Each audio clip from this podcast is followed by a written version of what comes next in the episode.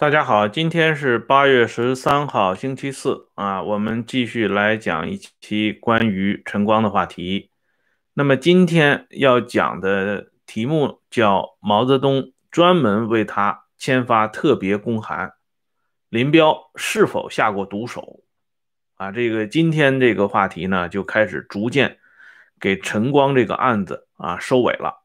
但是收尾呢，一样很精彩啊，希望大家呢注意收听。昨天这个节目啊，讲到聂荣臻在对自己的妻子。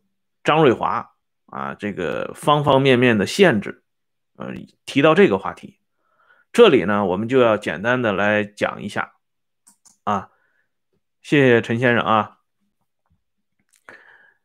来讲什么呢？就是大家看一下啊，历来这个党内高层啊，能够把自己的另一半啊，就是自己的老婆管得非常好的，真的不多。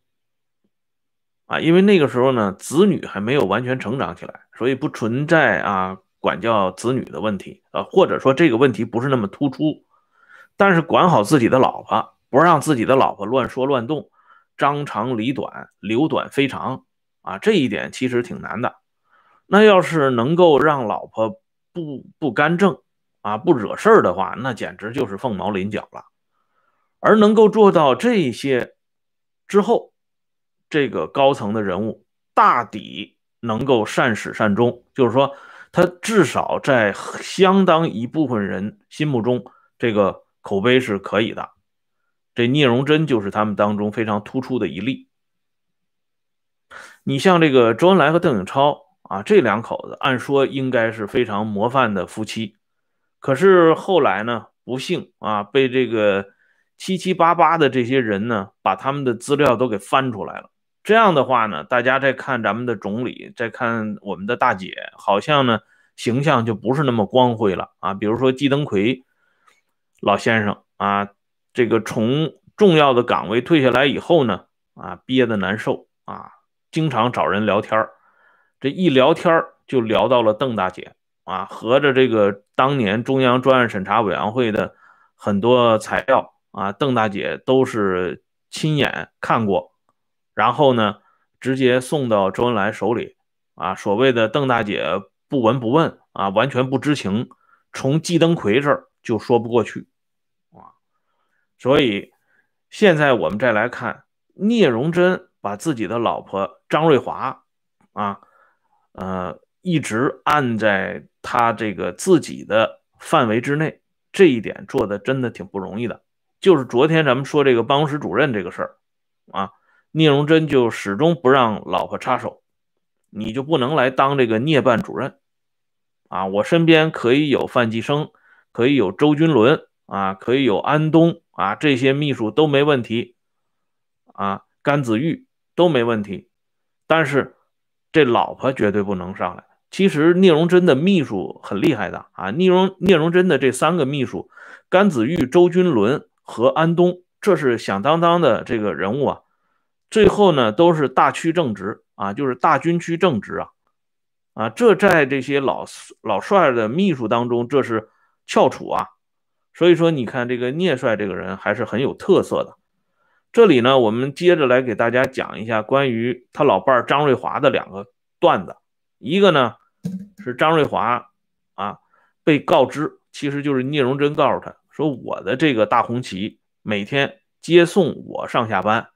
这是上级部门啊，党组织对我啊工作的呃这个一种照顾啊，因为我是工作原因，所以我天天要坐这大公大红旗上下班。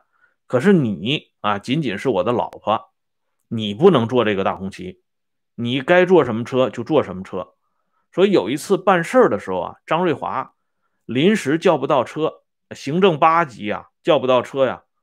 也不知道是什么原因，反正呢，老太太就挤了公交车了。这北京的公交车在六十年代还是挺拥挤的啊，否则的话，周恩来还不会专门去坐一次啊公交车探访民情。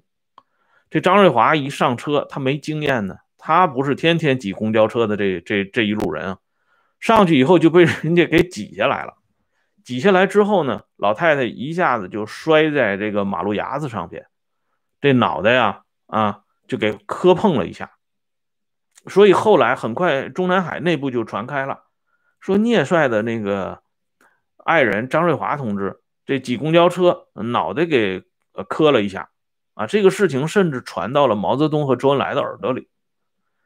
可是并不丢人呢啊，这也反映出来这个聂荣臻啊管教自己的家里人多严格啊。还有一点呢，就是到了一九九二年。九一年下半年到九二年的时候，那个时候是江泽民在台上啊。江呢当时出了一个德政，就是给这些老干部啊，文化大革命以前的这些老的司局级干部提半格啊。原来你是厅局长，这样呢就给你提成副部啊，都改成八级，原来的九级都一律改成八级，这样在老干部当中呢。就是引发了一阵阵欢呼，觉得新上任的这个总书记啊，真的是体贴民情啊，啊，对干部照顾的非常到位。那么这个时候呢，张瑞华作为老的行政八级，人家是五十年代定级的时候就是行政八级，而且张瑞华是什么人啊？张瑞华是老的中央特科的工作人员，他的资历比徐向前的老伴儿黄杰资历要老。啊，虽然黄杰也是特科成员，张瑞华的这个资历基本上啊仅次于邓颖超，所以人家一开始定八级，明显就偏低了。到了九二年的时候，江办那边呢就跟这个聂荣臻打招呼，说瑞华同志的这个级别可以往上提两级啊，不是提一级啊，提两级啊。但是聂荣臻就摆手，坚决不同意。啊，聂荣臻说：“搁我这关啊，搁我这里就过不了关。为什么？第一啊，这个事情都已经过去了，是历史了。第二呢，他钱挣的也够花，要那么多钱干嘛？现在提及无非就是给加点钱而已啊，也没有别的什么特殊的东西。他这么大年龄了，要那么多钱干嘛？所以，在聂荣臻去世前夕，这个张瑞华的级别始终没有提上来。”啊，聂荣臻是这个九二年去世的嘛？啊，所以他的这个这个级别一直没调。所以从这两件事情上来看，这个聂这个人在很多问题上他是有他独到之处的，否则啊，他也不会成为政坛上的常青树，在两代甚至三代啊领导集体核心这个周旋之下，始终处于上风。这里呢，顺便跟大家说一个 很重要的话题，就是今天题目里说到的，毛泽东专门为他签署啊特别公函，这个他指的就是聂荣臻。什么叫特别公函？这个特别公函啊，约略相当于国民党时期的那种特别通行证，但是比那种特别通行证呢，啊更高级，更严格。啊，更私密化，而且这个中央军委啊签发的特别公函，只能出自于一个人之手，那就是毛泽东啊，别人也没权利签发这个特别公函，而且这个特别公函不是随随便便的啊，什么人都可以拿到这个特别公函，并且一经拿到这个特别公函，可以说是畅行无阻。啊，任何中央国家机关都无权过问持有特别公函的部门和个人。啊，真的做到了令行禁止。啊，这件事情呢是发生在当时，呃，聂荣臻主导下，当时大家正在研制核潜艇。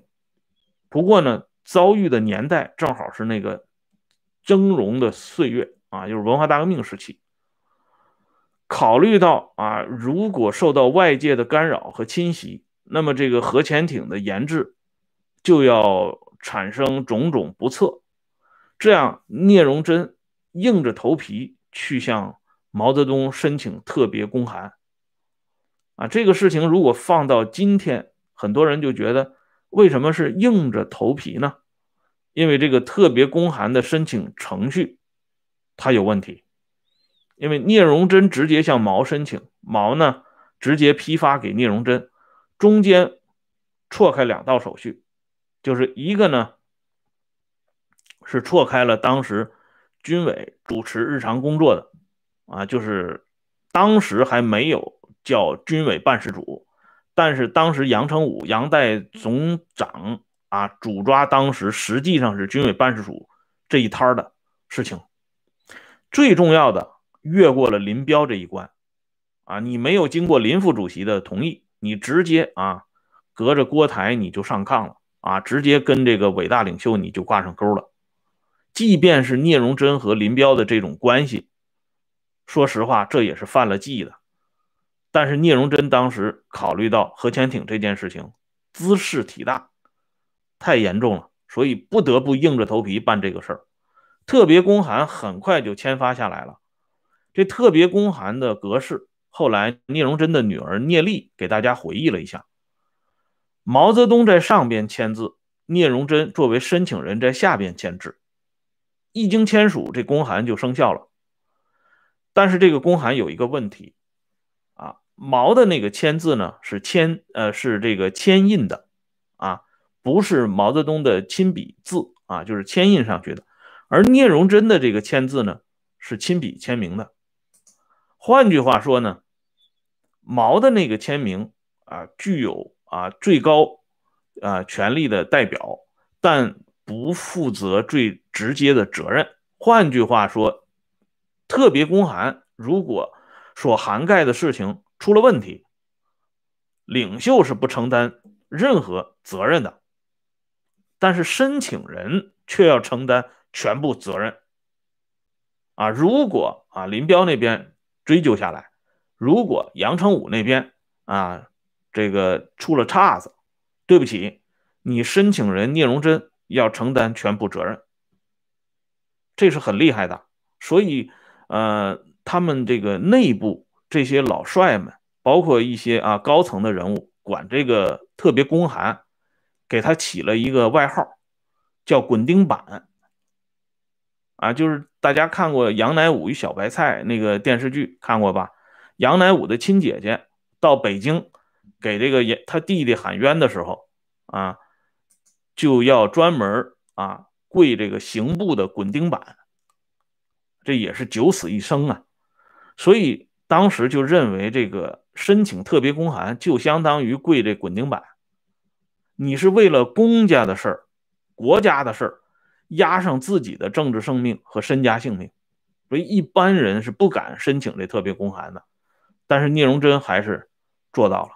啊，聂这个人呢，就是说很多人没想到啊，这个平素啊沉默寡言的这个聂荣臻，在关键时刻还有着他这个勇气和硬着头皮的时候啊，包括给陈光翻案，这个我们后边会讲到。那么。对于聂荣臻这样一个人，昨天我们不是说了吗？毛始终没有抓到这个聂的把柄。但话说回来了，始终没有抓到，不等于说不想抓、不愿意抓、不去抓。确实是抓过，只是没抓到。最最明显的一个例子啊，想必呢，现在很多年轻的朋友不知道这个事情的起源。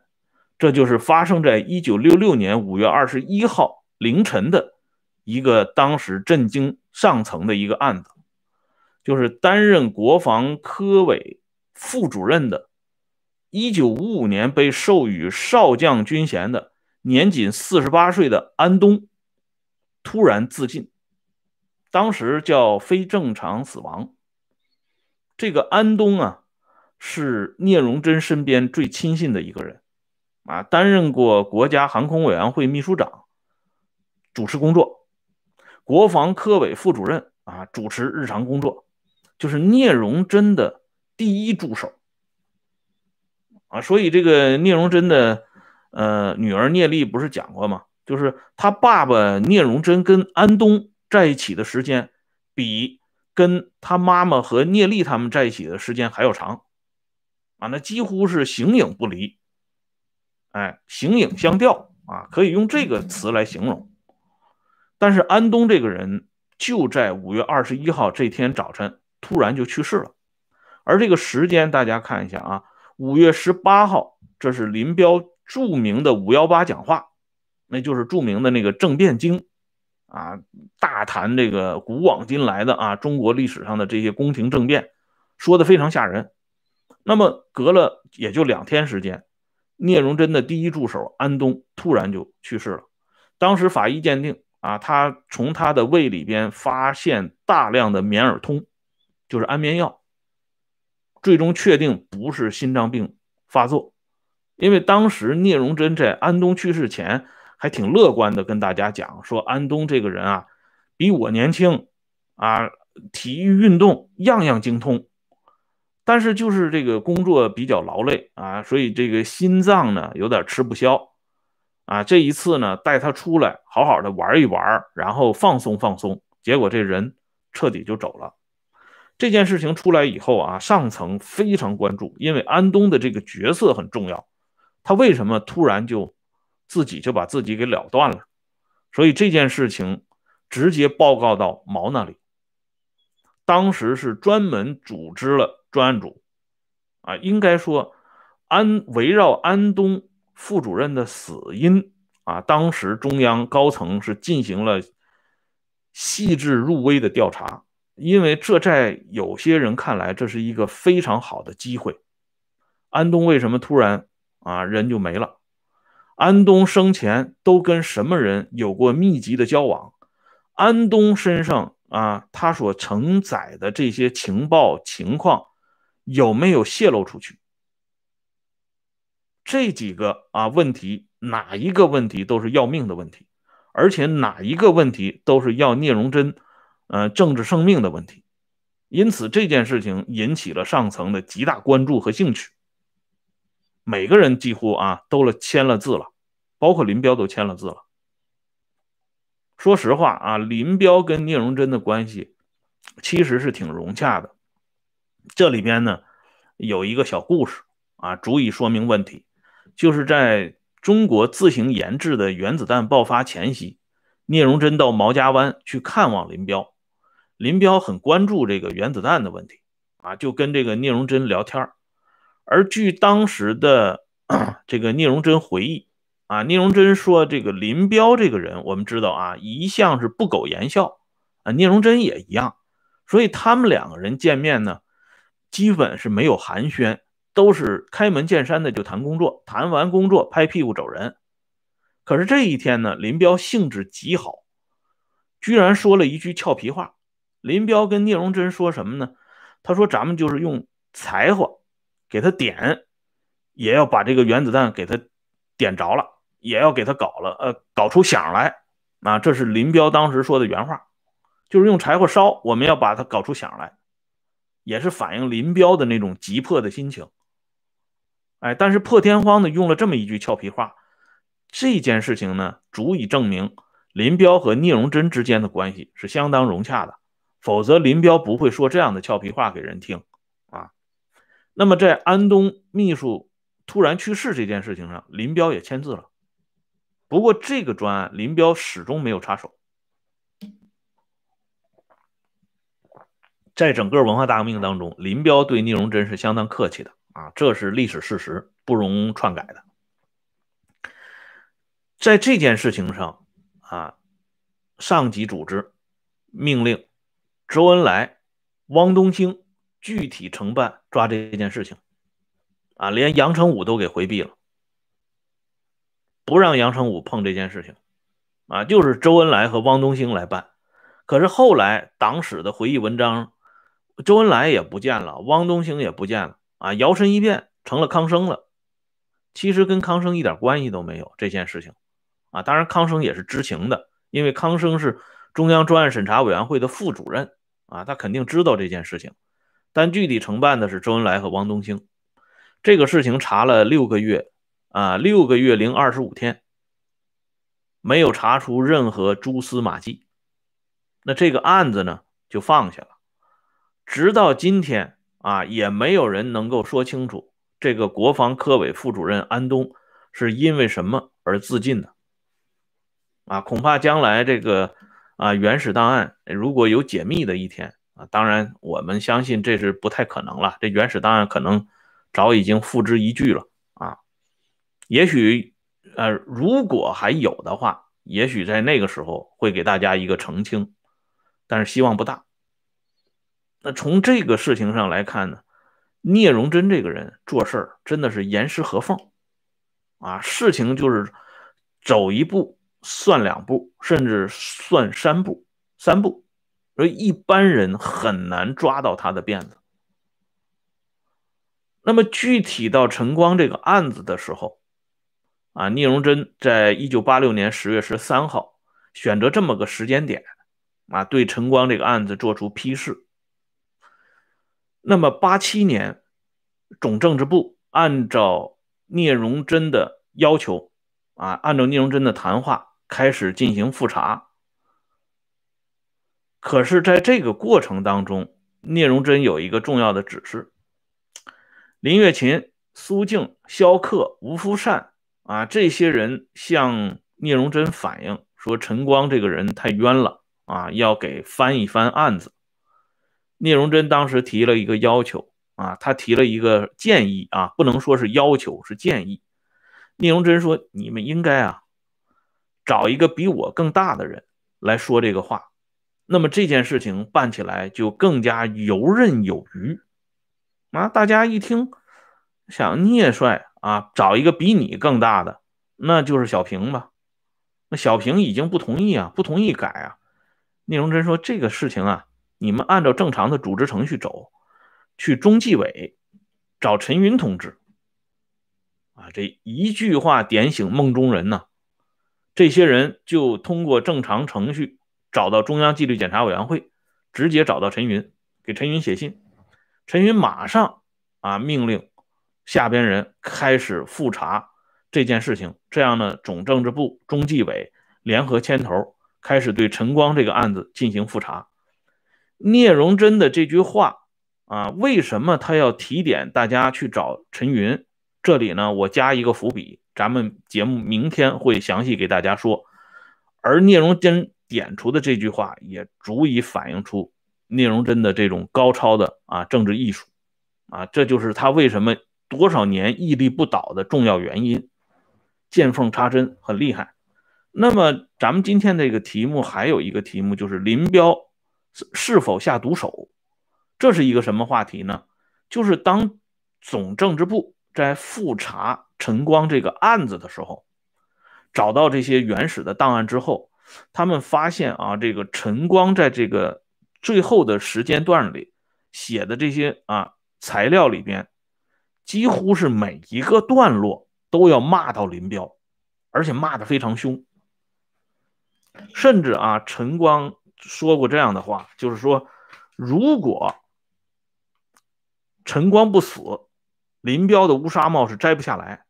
林彪啊，把他害得太苦了，所以当时复查复查的这些人就感到非常吃惊，因为这两个人曾经是非常要好的亲密战友，而且陈光救过林彪的命，啊，何以就是说这两个人最终的关系啊？到了这个程度呢，所以这里呢，这个关担任复查组组长的李慧仁就提出了一个啊下毒手的问题。他在回忆录里边呢，他就说，对于林彪来说，陈光仍然是他心头的一块病，必欲除之而后快。于是他又设计了一条毒计啊，就是说。按照李慧仁的说法，这个收拾陈光、设计毒计、将陈光诱捕，这是林彪设计的啊。所以他提到，呃，当陈光返回之后，按林彪、李作鹏事先安排的阴谋，陈光一上岸便被几个警卫挟持、收缴手枪、推上汽车拉走。这是在复查的情况下啊。李慧仁写的这么一段回忆，但是就像我们今天这个题目提出的那样，林彪真的下过毒手吗？答案是否定的。就说至少在诱捕陈光这件事情上，这所谓的毒计不是从林彪这里出来的，为什么这么讲？因为有一个重要的旁证，这是公开史料里边提出来的，这就是赖传珠日记。赖传珠日记提到的这个旁证，足以啊，这个洗刷林彪在这件事情上的这个污名。咱们说林彪这个人虽然被批臭了，但不等于说什么事情都可以扔在林彪的头上。那样的话，咱们说的就不是历史，而是演绎，甚至说的就是家谱。反过来也一样啊，为了给林彪评功摆好，就把本来属于林彪的罪名又摔到别人头上，这同样也是一种演绎啊。这是咱们这个节目所一直所摒弃的。啊，那么呢，明天我将根据这本《赖传珠日记》啊，来跟大家解释一下，为什么说林彪下毒手这一说法是不成立的。好了，今天呢，咱们就说到这里，感谢朋友们上来收看和支持。下边我把这个温相说时政会员频道的链接给大家发一下啊，欢迎大家踊跃加入。这个会员频道是每日更新。啊，感谢陈陈先生啊，您再次支持咱们这节目。